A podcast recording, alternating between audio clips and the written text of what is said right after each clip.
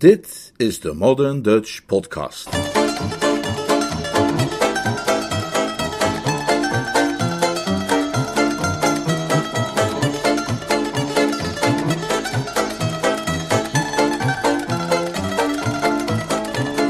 Groot gelijk, Jeeves, door P.G. Woodhouse. Een splinternieuwe Nederlandse versie van de roman Jeeves in the Offing, vertaald en voorgelezen door Leonard Beuger.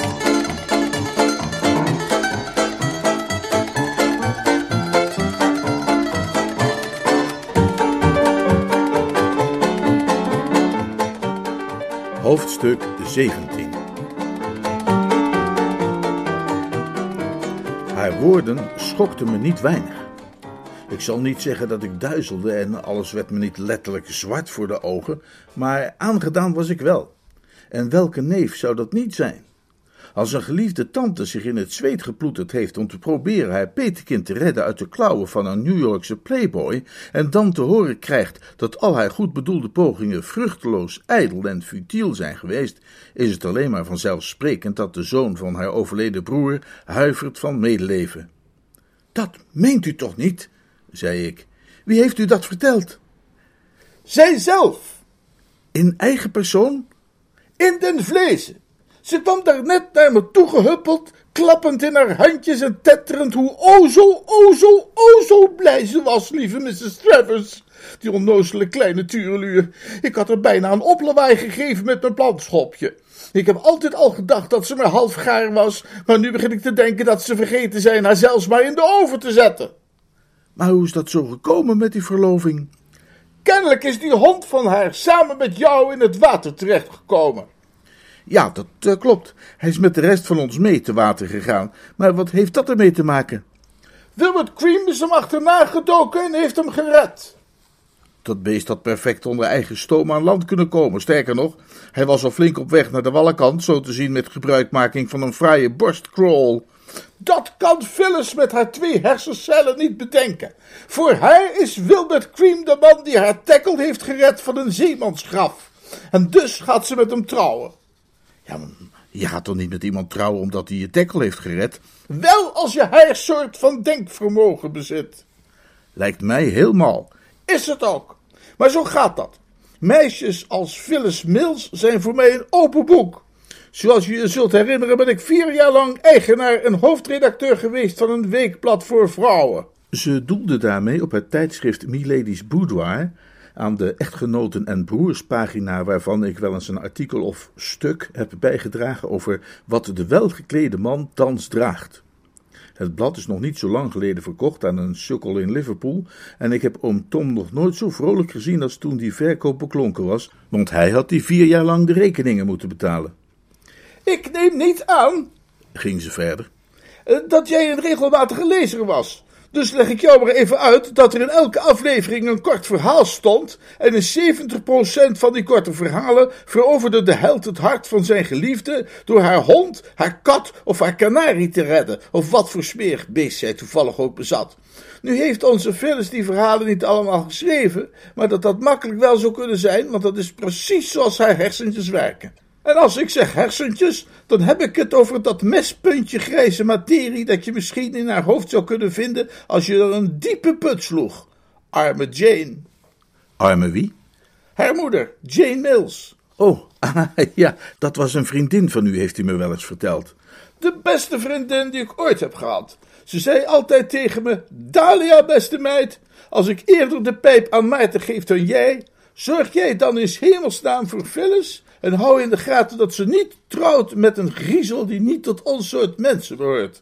Want dat zal ze gegarandeerd willen. Dat doen meisjes altijd, God mag weten waarom. Dat was wat ze zei, en ik wist dat ze daarbij aan haar eerste echtgenoot dacht, die een ploert was van het zuiverste water en een voortdurende bron van migraine, totdat hij op een avond gelukkig volkomen teut in de Theems terecht kwam en pas dagen later boven kwam drijven. Hou haar toch vooral tegen, zei ze, en ik zei: Je kunt op me rekenen, Jane. En dan krijg ik nu dit. Ik probeerde haar te troosten. Eh, dat kunt u zichzelf toch niet aanrekenen? Jawel. Maar het is toch uw schuld niet? Ik heb Wilbert Cream hier uitgenodigd. Alleen uit de natuurlijke behoefte als echtgenote om, om Tom een plezier te doen. En ik heb ook Upjohn hier laten blijven, die hij voortdurend heeft lopen opjutten. Inderdaad, eh, Upjohn is de figuur die hier verantwoordelijk voor is. Ja, hij ook. Als hij er zich niet ongevraagd en ongepast mee had bemoeid, zou Phyllis ongetrouwd gebleven zijn, of, of single, of hoe dat tegenwoordig heet. Gij zijt die man, Upjohn, lijkt mij de zaak voortreffelijk samen te vatten. Hij zou zich moeten schamen. En dat ga ik hem zeggen ook. Ik zou er een tientje voor over hebben die Aubrey Upjohn hier voor me te hebben staan. U kunt voor niks krijgen. Hij zit uh, in oom Tom's studeerkamer. Haar gezicht klaarde op. Echt waar? Ze wierp haar hoofd achterover en zoog de longen vol lucht. Upjohn! bulderde ze. Ongeveer zoals iemand die de koeien naar de stal roept van langs het strand der zee. Ik sprak een vriendelijk, waarschuwend woord. Let op uw bloeddruk, bejaarde voorouder. Bemoei jij je maar niet met mijn bloeddruk. Als jij die met rust laat, maakt hij zich ook niet druk over jou. Up, John! Hij verscheen op de drempel naar het terras met een kille en strenge blik in de ogen, zoals ik die zo vaak van hem gezien had tijdens onze onderrondjes in zijn studeerkamer op Malvern House, waar ik nooit vrijwillig verscheen, maar alleen omdat mij dat was gesommeerd. Ik verwacht woester in mijn studeerkamer direct na het morgengebed, luidde de geëikte formule. Wie maakt hier dat afschuwelijke lawaai? Oh, ben jij het, Dahlia? Ja, ik ben het. Jij wenste mij te zien? Ja, maar niet zoals je er nu uitziet. Ik had je liever gezien met een gebroken ruggengraat of tenminste twee gebroken enkels en in een gevorderd stadium van middlaatsheid. Maar mijn beste Dahlia? Ik ben jouw beste Dahlia niet. Ik ben een ziedende vulkaan. Heb jij Phyllis gesproken? Ze is net bij me weg. Heeft ze het je verteld? Dat ze zich verloofd heeft met Wilbert Cream, uiteraard. En nu ben jij zeker heel blij. Vanzelfsprekend, ja. Ja, natuurlijk. Ik kan me uitstekend voorstellen dat het jouw liefste wens is dat arme, zwakhoofdige schaap de vrouw te laten worden van een man die stinkbommen laat afgaan in nachtclubs en die zilveren lepels pikt. Die al drie keer gescheiden is en die als de autoriteiten een beetje hun best doen straks stenen zit te kloppen in Sing Sing. Althans, wanneer het gekkenhuis niet als eerste zijn rechten laat gelden. Een echte prins op het witte paard, wil je zeggen. Ik begrijp je niet. Dan ben je een ezel. Maar werkelijk, zei Aubrey Upjohn en er lag een gevaarlijke klank in zijn stem. Ik kon zien dat de houding van mijn dierbaar familielid, die niet heel liefdevol was, en haar woorden, die weinig hartelijk waren, hem irriteerden. Het zag eruit als een veilig gokje dat hij haar binnen enkele tellen het gebed over de gaven voor weekdagen tien keer ging laten overschrijven, of zelfs haar vast ging laten bukken terwijl hij zijn rottingje pakte. Die hoofden van kostscholen zijn snel aan de grenzen van hun tolerantie. Heel vrij hoor, voor Jane's dochter om zo terecht te komen als Mrs. Broadway Willy. Broadway Willy? Zo wordt hij genoemd in de kringen waarin hij zich beweegt. En waarin hij Phyllis binnen zal brengen. Zie hier mijn gangsterliefje, zal hij zeggen. En dat leert hij haar in twaalf eenvoudige lessen hoe ze stinkpommen moet maken. En hun kinderen, indien en te zijner tijd, zal het zakkenrollen met de fles worden ingegeven. En daar ben jij verantwoordelijk voor, Aubrey Upjohn. Het beviel me niet waar dit heen ging. Mijn oude moeie maakte er weliswaar een prachtige voorstelling van, en het was een genot om naar haar te luisteren, maar ik had Uptons lip zien snokken en die blik van zelfvoldaanheid op zijn gezicht zien verschijnen, die ik zo vaak had waargenomen wanneer hij als aanklager was opgetreden in een zaak waarin ik was betrokken, en hij een fatale tekortkoming had ontdekt in mijn verklaring. Die keer dat ik terecht stond voor het inkinkelen van het raam van de woonkamer met een cricketbal schiet mij bijvoorbeeld te binnen. Voor een scherp waarnemer als ik was het duidelijk dat hij mijn dierbare vlees en bloed er flink van langs zou gaan geven en dat zij haar woorden nog zou gaan betreuren. Ik wist niet hoe hij dat zou gaan doen, maar alle voortekenen waren daar. Ik had gelijk. Die snokkende lip had mij niet misleid. Als ik misschien een opmerking zou mogen maken, mijn beste Dahlia, zei hij, ik vrees dat wij langs elkaar heen praten. Jij lijkt onder de indruk te verkeren dat Phyllis zal gaan trouwen met Wilberts jongere broer Wilfred, de roemruchte playboy wiens escapades zijn familie zoveel verdriet hebben bezorgd en die, zoals jij terecht zegt, onder zijn disreputabele vrienden bekend staat als Broadway Willie. Ik ben met je eens dat Wilfred een uiterst ongewenste echtgenoot zou zijn, zoals hij dat ook al drie keer eerder heeft bewezen, maar voor zover ik weet, heeft over Wilbert nog nooit iemand een onvertogen woord gesproken. Ik ken weinig jonge lieden die zo algemeen worden geacht. Hij is werkzaam aan een van de belangrijkste Amerikaanse universiteiten en verblijft in ons land tijdens zijn sabbatical. Hij doseert Romaanse talen. Je moet het zeggen als ik dit alles eerder verteld heb. En ik geloof eigenlijk dat het zo is. Maar op een keer toen ik nog in Oxford was, zat ik eens langs de waterkant te kletsen met een meisje met een naam die ik nu even vergeten ben. Toen er opeens geblaf klonk en er een stevig uit de kluiten gewassen hond van het Baskerville-type op me kwam afgegalopeerd, met kennelijk kwaadwillende bedoelingen, want hij zag er zonder meer uit als een hond met een bijzondere afkeer van woesters. Ik beval juist mijn ziel aan God en bedacht dat dit het moment was waarop er voor dertig piek aan gabardine uit mijn nieuwe broek gescheurd zou gaan worden, toen dat meisje, dat zorgvuldig gewacht had tot ze het wit van zijn ogen kon zien, met buitengewone tegenwoordigheid van geest haar kleurige Japanse parasol vlak voor de kop van het beest opendeed. Waarop de bruut met een verschrikte kreet drie salto's achterover deed en zich uit het openbare leven terugtrok. De reden waarom ik dit nu naar voren breng, is dat afgezien van die drie salto's achterover, Tante Dalia's reactie op Upjohn's communiqué precies dezelfde was als die van bovengenoemde hond op die Japanse parasol. Dezelfde volstrekte verbluftheid. Later heeft ze me verteld dat haar gevoel op dat moment precies overeenkwam met wat ze had ervaren toen ze eens bij regenachtig weer met de Britse jagersvereniging over een pas geploegde akker reed en het paard van de jachtliefhebber voor haar haar plotseling met zijn hoeven anderhalve kilo kletsnatte modder in het gezicht slingerde. Ze stond te slokken als een buldog die een lendebiefstuk door zijn keel had proberen te krijgen die een paar maten te groot is voor zijn slokdarm. Je bedoelt dat er twee van zijn? Precies. En Wilbert is niet degene die ik dacht. Daarmee heb je de situatie voortreffelijk weergegeven. En je zult nu dus ook wel willen onderschrijven, mijn beste Dahlia, zei Upjohn met hetzelfde aplomp als dat het juiste woord is, als waarmee hij gesproken had toen hij destijds zijn geheime wapen onthulde en met het niet te weerspreken bewijs kwam dat het jouw hand was, woester, die deze cricketbal heeft geworpen dat je bezorgdheid, die je overigens alle eer aandoet, niet nodig was geweest. Ik zou Phyllis geen betere echtgenoot kunnen toewensen. Wilbert is een knappe man om te zien en intelligent bovendien. Hij is ook een man met karakter en met uitstekende vooruitzichten, voegde hij eraan toe, waarbij hij die woorden op de tong proefde als ging het om een fraaie oude port. Zijn vader bezit, op zijn minst, zou ik zeggen, 20 miljoen dollar. En Wilbert is de oudste zoon. Ja, heel bevredigend allemaal, heel bevredigend. Terwijl hij nog sprak, ging de telefoon en met een kort ha schoot hij terug de studeerkamer in, als een konijn in zijn holletje.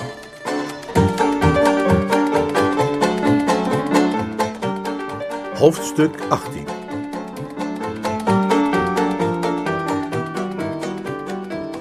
Misschien wel haast een halve minuut nadat hij van het toneel was verdwenen, stond mijn bejaarde bloedverwante daar te worstelen op zoek naar woorden. Uiteindelijk vond zij haar spraakvermogen terug. Van alle achterlijke vervloekte stommiteiten, tierde ze, als tierde het woord is dat ik zocht.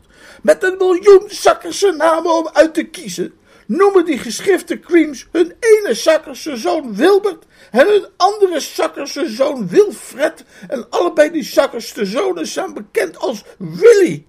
Dat is opzettelijke misleiding van de onschuldige toeschouwer. Je zou toch mogen veronderstellen dat mensen een klein beetje consideratie bezitten. Opnieuw vroeg ik haar dringend een beetje op te passen voor haar bloeddruk en zich niet te zeer op te winden, maar opnieuw wuifde ze mijn woorden weg en suggereerde ditmaal daarbij dat ik de boom in kon. Je zou zelf ook woest zijn, als jouw zojuist de mantel was uitgeveegd door Aubrey Upjohn, met die afgrijselijke zelfingenomen grijns van hem op zijn gezicht, alsof hij zo'n puistige leerling van zijn mottige school op zijn kop gaf, omdat hij tijdens het ochtendgebed met zijn voeten had zitten schuifelen in de kapel. Mal dat, zei ik, getroffen door het toeval. Precies om die reden heeft hij mij wel eens op mijn kop gegeven. En ik had puistjes. Arrogante kwast! Kun je zien wat een klein wereldje het eigenlijk is? Wat doet die kerel eigenlijk hier? Ik heb hem niet eens uitgenodigd. Smijt hem eruit. Ik heb dat punt al eens eerder bij u aangekaart, zoals u zich zult herinneren. Werp hem uit in de buitenste duisternis, waar geween zal zijn en tandengeknars. Dat ga ik doen ook, als hij nog één keer zo'n grote mond tegen mij heeft. Ik zie dat u in een gevaarlijke stemming bent. Reken maar dat ik in een gevaar... Lieve god, daar is hij weer. Inderdaad was het opnieuw A. Upjohn die door de terrasdeuren naar binnen schoof. Maar die blik waarover mijn voorouder had geklaagd was verdwenen en de uitdrukking die hij nu op zijn gezicht droeg leek meer te suggereren dat sinds wij hem de laatste keer hadden gezien er iets was gebeurd dat de baarlijke duivel in hem gewekt had. Talia! Ja, ook hier kan ik het best het woord tierde gebruiken. Ik ben er vrij zeker van dat tierde het woord is dat ik zoek. Uh, tierde hij dus. Ook de baarlijke duivel in tante Dalia was inmiddels klaar wakker. Ze wierp Upjohn een blik toe, die wanneer die blik een van de honden werkzaam voor de Britse jachtvereniging was toegeworpen, dat arme beest de staart tussen de achterpoten had doen steken met het vaste voornemen in de toekomst een beter en vromer leven te leiden. Wat nu weer? Zoals eerst tante Dalia had gedaan, worstelde nu Aubrey Upjohn op zoek naar woorden. Er had hier op deze zomernamiddag inderdaad nogal wat worstelend woordzoeken plaatsgevonden. Ik heb zojuist mijn advocaat aan de telefoon gehad, zei hij toen hij eindelijk zijn tekst teruggevonden had en weer wat op dreef kwam. Ik had hem gevraagd te informeren naar de naam van degene die dat lasterlijke stuk over mij in de Thursday Review feitelijk geschreven heeft. Het bleek het werk te zijn van mijn voormalige leerling Reginald Herring. Hij zweeg een ogenblik om dit bij ons te laten inzinken, en wat er vooral zonk was mijn hart, in mijn schoenen. Tante Dalia leek behoorlijk overeind te blijven. Ze wreef langs haar kin met haar plantschopje en zei: Oh ja! Upjohn knipperde met zijn ogen, alsof hij iets meer van haar had verwacht qua bezorgdheid en medeleven. Is dat alles wat je ervan kunt zeggen? Volledig! Oh, nou, ik ga van dat blad een zware schadevergoeding eisen. En bovendien weiger ik nog langer in hetzelfde huis te verblijven als die Reginald Herring. Of hij vertrekt, of ik. Er viel het soort stilte dat, naar ik meen, cyclonen voor een paar seconden laten vallen voordat ze er tegenaan gaan en het publiek de volle laag geven. Huiverend, ja, een huiverende stilte kon het wel genoemd worden. Elektriserend is er trouwens ook geen slecht woord voor. En als u die stilte dreigend of omineus wilt noemen, heb ik daar evenmin iets op tegen. Het was een stilte van het soort waar je tenen van opkrullen en die een rilling langs je rug doet lopen terwijl je op de klap wacht. Ik kon tante Dalia langzaam zien opzwellen als een kauwgombel tussen de tanden van een tiener. En een minder voorzichtig man dan Bertram Woester zou hij nog een keer hebben gewaarschuwd vanwege haar bloeddruk. Pardon, zei ze. Hij herhaalde zijn laatste woorden. Oh ja, zei mijn bloedverwante en ging knallend van start. Ik had Upjohn kunnen vertellen dat hij er eenvoudig om gevraagd had. Normaal gesproken is deze tante een allerhartelijkst mens, waarmee het uitstekend kerseneten is, maar wanneer zij geagiteerd raakt, kan zij veranderen in de meest hooghartige der grande dames, voor wier toren zelfs de dappersten terugdeinzen, en om de burgerij tot gewurmte te reduceren, heeft zij niet eens, zoals sommigen, een lorgnet nodig. Zij doet dat met het blote oog. oh ja. Zei zij, Dus jij gaat nu mijn gastenlijst voor mij redigeren, hè? Dus jij hebt nu het lef, jij hebt de, de, de... Ik zag dat zij wat assistentie nodig had. Vermetelheid, zei ik, haar het reddende woord toewerpend. de vermetelheid mij te dicteren wiens namen ik daar wel en niet op mag zetten? Het had wiernamen moeten zijn, maar dat liet ik passeren. Jij hebt de, Onbeschaamdheid? de onbestaanbare impertinentie Rectificeerde ze mij en ik moest toegeven dat het krachtiger klonk. om mij te gaan vertellen wien ik wel, Correct, dat wien, maar erg formeel en ouderwets. wien ik wel mag uitnodigen op Brinkley Court en wie, Dat was wat inconsequent, maar enfin. en wie niet. Maar ik weet het goed gemaakt. Wil jij niet dezelfde lucht ademen als mijn vrienden, dan doe je dat toch niet? Ik meen dat de stieren de pluim in Market Snodsbury heel geriefelijk is. positief besproken, ook in de AWB-gids, zei ik. Uitstekend, zei Upjohn. Zodra mijn spullen zijn gepakt, ga ik daarheen. Misschien wil je de goedheid hebben je butler te vragen mijn koffer te pakken. Hij schreed heen en zij ging om Toms studeerkamer binnen, zij nog nasnuivend. Ik achter haar aan. Ze schelde. Jeeves verscheen. Jeeves? zei mijn bloedverwante verrast. Ik, ik schelde om. Het is Sir Roderick's vrije middag, mevrouw. Ah, tja, zou jij dan zo vriendelijk willen zijn Mr. Upjohn's koffer te pakken? Hij gaat ons verlaten. Uitstekend, mevrouw. En jij kunt hem met de wagen naar Market Salisbury brengen, Bertie? Prima, zei ik. Ik vond het geen prettige opdracht, maar te pogen deze ziedende tante de dwarsbomen in haar huidige geestesconditie leek me een nog minder geslaagd idee. Veiligheid boven alles is het motto van de Woesters.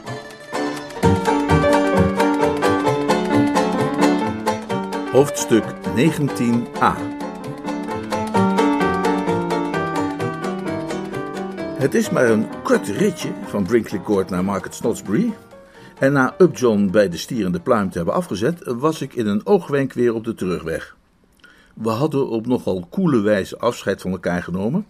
Maar als je met een Upjohn in je maag zit, gaat het om het afscheid nemen en moet je niet zo moeilijk doen over de manier waarop. En had ik me niet zoveel zorgen hoeven maken over Rolmops, over wie ik in stilte nu meer dan ooit inzat, dan had ik me nu prima gevoeld. Ik zag niet voor me hoe hij op een plezierige manier gered kon worden uit de soep waarin hij thans lag ondergedompeld. Ik had tijdens mijn autoritje geen woord gewisseld met Upjohn, maar uit de glimp die ik af en toe vanuit mijn ooghoek had opgevangen van zijn gezicht, had ik kunnen afleiden dat hij verbeten was en vastbesloten, en dat hij verscheidene liters tekort kwam aan de melk der menselijkheid. Er leek mij geen hoop te bestaan hem van zijn vrede voornemen af te kunnen brengen. Ik stalde de wagen en begaf me naar tante Dalia's sanctum om te weten te komen of ze inmiddels al wat was afgekoeld, want ik was nog altijd ongerust over die bloeddruk van haar. Men ziet niet graag zijn tante opgaan in een alverterend vuur. Ze was daar niet, want ze had zich, zoals ik later hoorde, teruggetrokken op haar kamer om daar haar slapen te deppen met eau de cologne en buteiko ademhalingsoefeningen te doen. Maar Bobby was daar wel, en niet alleen Bobby, maar ook Jeeves. Hij gaf er juist iets in een enveloppe en zij zei: Oh, Jeeves, je hebt een mensenleven gered. Geen sprake van, juffrouw, antwoordde hij. Het ontging me volledig waar dit op sloeg, maar ik had de tijd nog de rust om me daarin te verdiepen. Waar is Rolmops? vroeg ik. Tot mijn verbazing zag ik dat Bobby onderwijl op haar tenen de kamer ronddanste onder het uiten van dierlijke kreten van extatische aard. Reggie, zei ze, haar demonstratie van boerderijgeluiden eventjes onderbrekend, uh, die is een eindje gaan wandelen. Weet hij dat Upjohn heeft ontdekt dat hij dat stuk geschreven heeft? Ja, dat heeft je tante hem verteld. Dan moeten we onmiddellijk een vergadering beleggen. Vanwege Upjohn's aanklacht wegens smaad? Dat komt helemaal in orde als we alleen wat geduld hebben. Jeeves heeft zijn praatje weggemaakt. Dat kon ik even niet thuisbrengen. Het kind sprak in raadselen, leek me. Zijn praatje weggemaakt? Uh, heb je je stem beschadigd, Jeeves? iets aan je keel? Nee, meneer. Wat bedoelt die kleine donderstraal dan, Jeeves? Indien al iets. Miss Wickham verwijst naar de uitgetypte tekst van de toespraak die Mr. Upjohn geacht wordt morgen te houden voor de leerlingen van het lyceum van Market Snodsbury, meneer. En die heb jij weggemaakt? Exact, meneer. Ik schrok. Je wilt toch niet zeggen dat jij... Ja, dat wil hij wel, zei Bobby en hervatte haar Russische balletimitaties. Je tante had hem opgedragen Upjohn's koffer te pakken en het eerste wat hij zag liggen toen hij daaraan begon, was de tekst van zijn praatje. Die heeft hij in zijn zak gestoken en nu net aan mij gegeven. Ik trok een wenkbrauw op. Nee, maar werkelijk, Jeeves. Ik achtte dat het beste om te doen, ja. Hartstikke goed heb je dat geacht, Jeeves, zei Bobby en voerde zo'n Nijinsky hoe heet het ding uit. Upjohn zal die aanklacht moeten intrekken of hij krijgt zijn aantekeningen, zoals hij dat noemt, niet terug. En zonder die aantekeningen weet hij straks geen woord uit te brengen. Hij zal moeten betalen voor die paperassen wat ze waard zijn. Of niet soms, Jeeves. Lijkt erop dat hij geen andere keus zal hebben, juffrouw. Tenzij hij daar straks op het podium alleen maar zwijgend zijn mond open en dicht wil gaan staan doen als een goudvis. We hebben hem te pakken. Ja, ja, jawel, maar Een, een momentje, zei ik. Ik sprak met tegenzin. Ik wilde dat bolletje elastiek niet graag van haar plezier beroven, maar er was me een gedachte te binnen geschoten. Ik snap jullie idee uiteraard. Ik weet wel dat tante Dalia me verteld heeft over die wonderlijke aandoening van Upjohn, dat hij niet van de tongriem gesneden is tenzij hij zijn tekst voor zich heeft. Maar wat als hij nu eens zou zeggen uh, dat hij ziek is en niet kan komen opdagen? Dat doet hij niet. Zou ik wel doen. Ja, maar jij wilt dan ook niet dat de afdeling Market Snotsbury van de conservatieve partij jou zal gaan kiezen als haar kandidaat bij de aanstaande verkiezingen. Upjohn wel. En het is wezensbelangrijk voor hem om morgen de menigte toe te spreken en een goede indruk te maken. Want de halve verkiezingscommissie heeft zijn zoon op die school en zal daar zitten om voor zichzelf te beoordelen of hij een goede spreker is of niet. Een vorige kandidaat stotterde en daar kwamen ze pas achter toen hij werkelijk de kiezers moest gaan toespreken. Nou, zo'n vergissing willen ze niet nog een keer maken. Aha, nu begrijp ik jullie, zei ik. Ik herinnerde me dat tante Dalia mij wel eens gesproken had over Upjohn's politieke ambities. Dus, dat is voor elkaar, zei Bobby. Zijn toekomst hangt af van die toespraak en wij hebben zijn tekst in handen en hij niet. Een goed begin. Ja, en hoe gaat het dan nu verder? We hebben het helemaal geregeld. Hij kan elk moment hierin bellen om te vragen hoe het zit. Als hij dat doet, neem jij de telefoon aan en legt hem uit hoe de zaken staan. Ik? Precies. Waarom ik? Jeeves acht dat het beste om te doen. Nee, maar werkelijk, Jeeves. Waarom niet Rolmops? Mr. Herring en Mr. Upjohn spreken op het ogenblik niet met elkaar, meneer. Dus dan snap je wel wat er zou gebeuren als hij weer je stem hoort. Dan zou hij hooghartig ophangen en konden we moeizaam opnieuw beginnen. Terwijl hij ieder woord van jou zal indrinken. Ja, maar Potjan Dosi. En trouwens, Reggie is een eindje wandelen en helemaal niet beschikbaar. Ik wou dat jij niet altijd zo ontzettend moeilijk deed, Bertie. Ik hoor van je tante dat het al precies hetzelfde was toen je nog klein was. Als ze wilde dat jij je pap opat, ging je ook al stijgeren en was je eigenwijs en werkte niet mee, net als Jonas ezel in de Bijbel. Uh, dit kon ik niet ongecorrigeerd laten passeren. Het is algemeen bekend dat ik op school ooit een prijs heb gewonnen voor bijbelkennis. Biliams ezel. Jonas was die figuur met die walvis. James? Nee. Even om een weddenschap, het was toch Biliams ezel die het nolle prosecui uitsprak? Jazeker, meneer. Zeker niet, zei ik tegen Bobby. En ik had het er graag nog even ingevreven toen precies op dat moment de telefoon rinkelde en mij volkomen van het onderwerp afleidde. Dat geluid zond een rilling door de Woesterse leden, want ik wist wat het inhield. Bobby bleef ook niet onbewogen. Kijk aan, zei ze, dit is, wanneer ik mij niet vergis, onze cliënt. Aan de slag, Bertie. De loopgraaf uit en succes!